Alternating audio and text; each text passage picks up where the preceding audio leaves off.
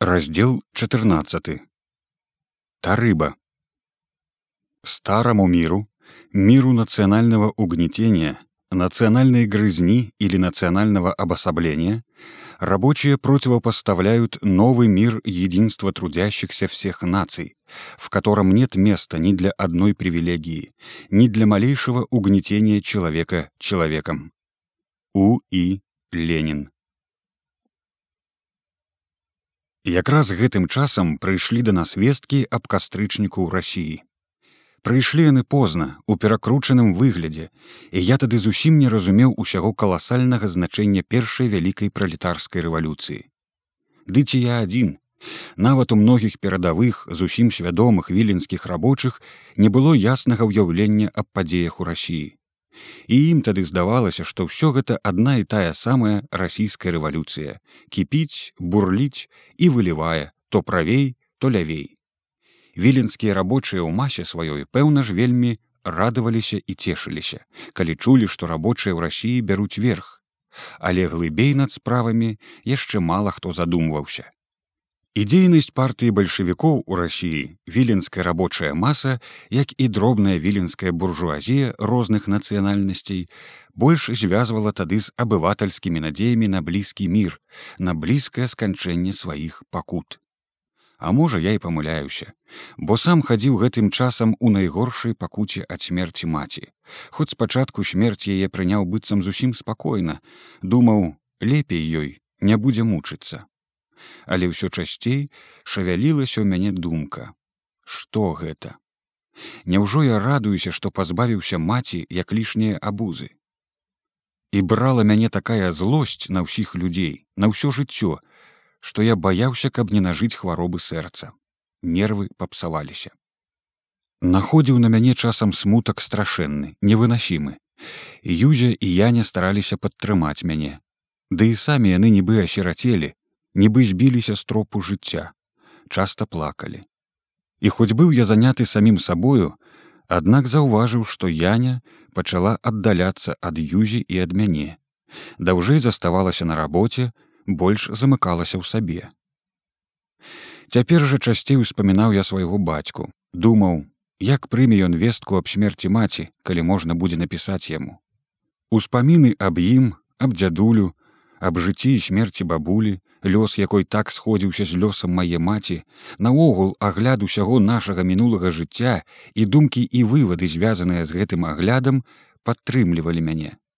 Бачыў я, што трэба мне не хныкаць, а змагацца, што трэба мне многа чаго перамагчы і ў сваёй натуры, бо занадта ўжо я хліпяслівы, слабавольны і бяздзейны, нягодны ні свайго бацькі, ні нават деда.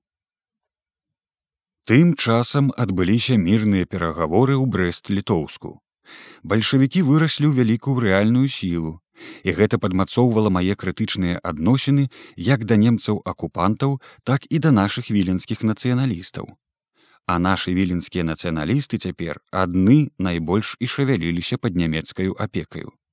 Немцы заігрывалі з нацыянальнымі меншасцямі былой царскай рассіі праз увесь час акупацыі яны патуралі імкненнем да аддзялення ад рассіі. Яны сеялі надзеі на стварэнне самастойных дзяржаў пад пратэктаратам нямметчыны, а рабілі яны гэта розным спосабам. З палякамі вялі яны больш паважныя гутаркі, аднак асабліва дапамагаць ім не хацелі, бо гэта былі іх спрадвечныя і даволі моцныя ворагі. Хто ж будзе сам садзіць сабе скулу на шыю з беларусамі яны нянчыліся і праз сваю газету ў беларускай мове гоман яны ўбівалі беларусам у галаву што ім будзе добра толькі ў сваёй асобнай дзяржаве пэўна ж пад нямецкай зверхнасцю. Праводзілі яны гэтую работу рукамі мясцовых беларускіх нацыяналістаў под кіраўніцтвам нейкага зюзяміля былога выкладчыка нямецкай мовы ў гімназію ў пінску. У пачатку 1918 года немцы ўзяліся зусім ужо акрэслена ствараць літоўскую дзяржаву. Паводле іх праекту у іх руках павінны былі знаходзіцца літоўская армія, літоўскія фінансы, літоўскія шляхі зносін і ўся літоўская народная гаспадарка. А справы самакіравання яны перададуць тарыбе літоўскай дзяржаўнай радзе. з-паміж літоўскіх нацыяналістаў першую скрыпку граў тады пан сметона гэта значыць смятана як усе і звалі яго тады ў вільні на сваіх мовах гэты пан смятана а за ім і ўсе літоўскія нацыяналісты ахвотна згаджаліся на нямецкія прапановы абы як-небудзь замясіць сваё спачатку хоць рэдзенькае але сваё літоўскае дзяржаўнае цеста Аднак яны прымушаны былі лічыцца не толькі з немцамі, а і з рознымі тутэйшымі нацыянальнымі і палітычнымі арганізацыямі і групамі. Палякі, вядома, не хацелі прызнаваць у вільні ніякае тарыбы, раз яны лічылі гэты горад сваім польскім. Слабенькія беларусы рады былі, пакуль не ўзмацуюцца падзяліцца і вільняю, хоць таксама лічылі, што правы іх на гэты горад не меншыя, калі не большыя, чым літоўскія. Яўрэям выгадней было ісці са слабейшымі літоўцамі, чым з мацнейшымі палякамі. Дык з нацыянальнымі арганізацыямі пан Смятана скора прывёў усе свае справы ў яснасць і парадак. Значна цяжэй было яму дайсці ладу з палітычнымі партыямі і групоўкамі, бо з-паміж саміх правадыроў гэтых партый і груповак не было ладу. Я памятаю, як адбываўся нелегальны ці напаў легальны сход па пытаннях ісці ў тарыбу ці не ісці. На сход трапіў я выпадкова і пабыў як у тэатры без білета. Бо лідары сацыял-дэмакратыі Польшчы і літвы зрабілі там тады цэлую камедыю. Кейрыс і Эйдукевіч, эсдэкі лічвіны былі за тое, каб ісці асабліва ўгрунтована выказваўся кейрыс што трэба канечне ісці каб змагацца там з панам смятанаю і з немцамі і мусіць наогул вельмі хацелася яму сесці ў сваёй літоўскай тарыбе годват і заштаўт эсдэкі палякі былі катэгарычна супраць. Асабліва ўгрунтована выказваўся годват што нельга ісці ні пад якім відам каб не запэцкацца ў смятане. І надта лоўка пускаў ён туману вочы але было відаць нават і мне хоць чалавек я і не надта хітры што проста не хочацца яму сесці ў польскім горадзе ў літоўскую тарыбу. А найбольш мне засталося ў памяці як пасварыліся эйдукевич з заштаўтам заштаўт чысценькі прыгладжаны ў пенсне наскочыў на эйдукевіча як задзірлівы пеўнічак.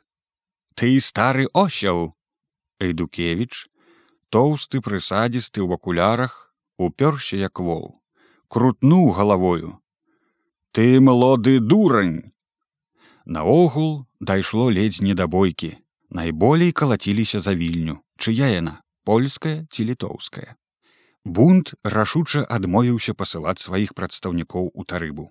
Прадстаўнік бундаўцаў нібы трагічна але трошку і насмешліва заявіў.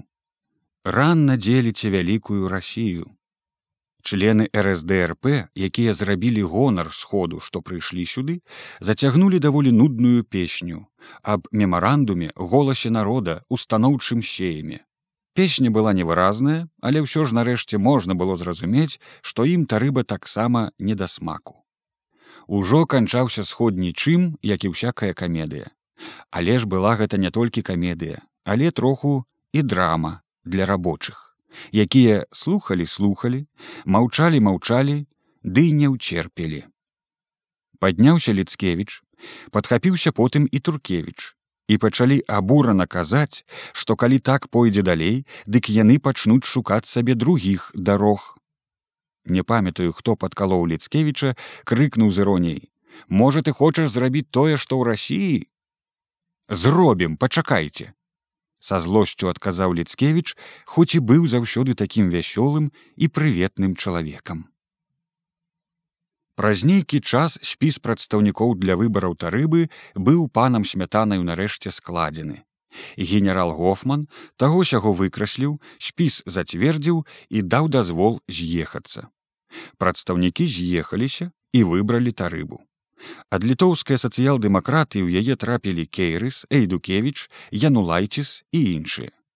Тарыба перш за ўсё паслала тэлеграму кайзеру вільгельму з падзякаю і прывітаннем потым занялася меркаваннем наконт формы праўлення ў новай дзяржаве літоўскія клерыкалы высунулі праект манархіі з нямецкім прынцам ульрыхам вільгельмавым пляменнікам на чале Скора пасля гэтага адбылася канферэнцыя сацыял-дэмакратыі Польшчы і літвы з удзелам прадстаўнікоў з правінцыі. Кейрыс рабіў інфармацыю і зрабіў паведамленне аб пасылцы тарыбаю тэлеграмы кайзеру. Дэлегаты рабочыя, Карповіч, Ліцкевіч і іншыя пачалі страшэнна абурацца супроць паводзін сваіх лідараў у тарыбе. Зноў паўстала пытанне рубам, ці варта ўваходзіць у тарыбу. Лідары абараняліся. Хтосьці з іх даводзіў. Літоўскія сацыял-дэмакраты павінны былі ўвайсці ў тарыбу хоць бы ўжо для таго, каб мець магчымасць вольна раз'язджаць па краі. Пасля канферэнцыі Эйдукевіч парваў з групаю кейрыса і старыбы выйшаў. Кейрыс застаўся ў тарыбе. Яго выключылі з партыі. Ён не прызнаў выключэння правільным і заявіў, што яго можа выключыць толькі з'езд. Годвад і заштаўт хацелі арганізаваць новую партыю, але ніхто за імі не пайшоў. Рабочыя страцілі веру да лідараў і не ведалі, што ім рабіць, зайшлі ў тупік. Ну потым і скора выйшлі з яго.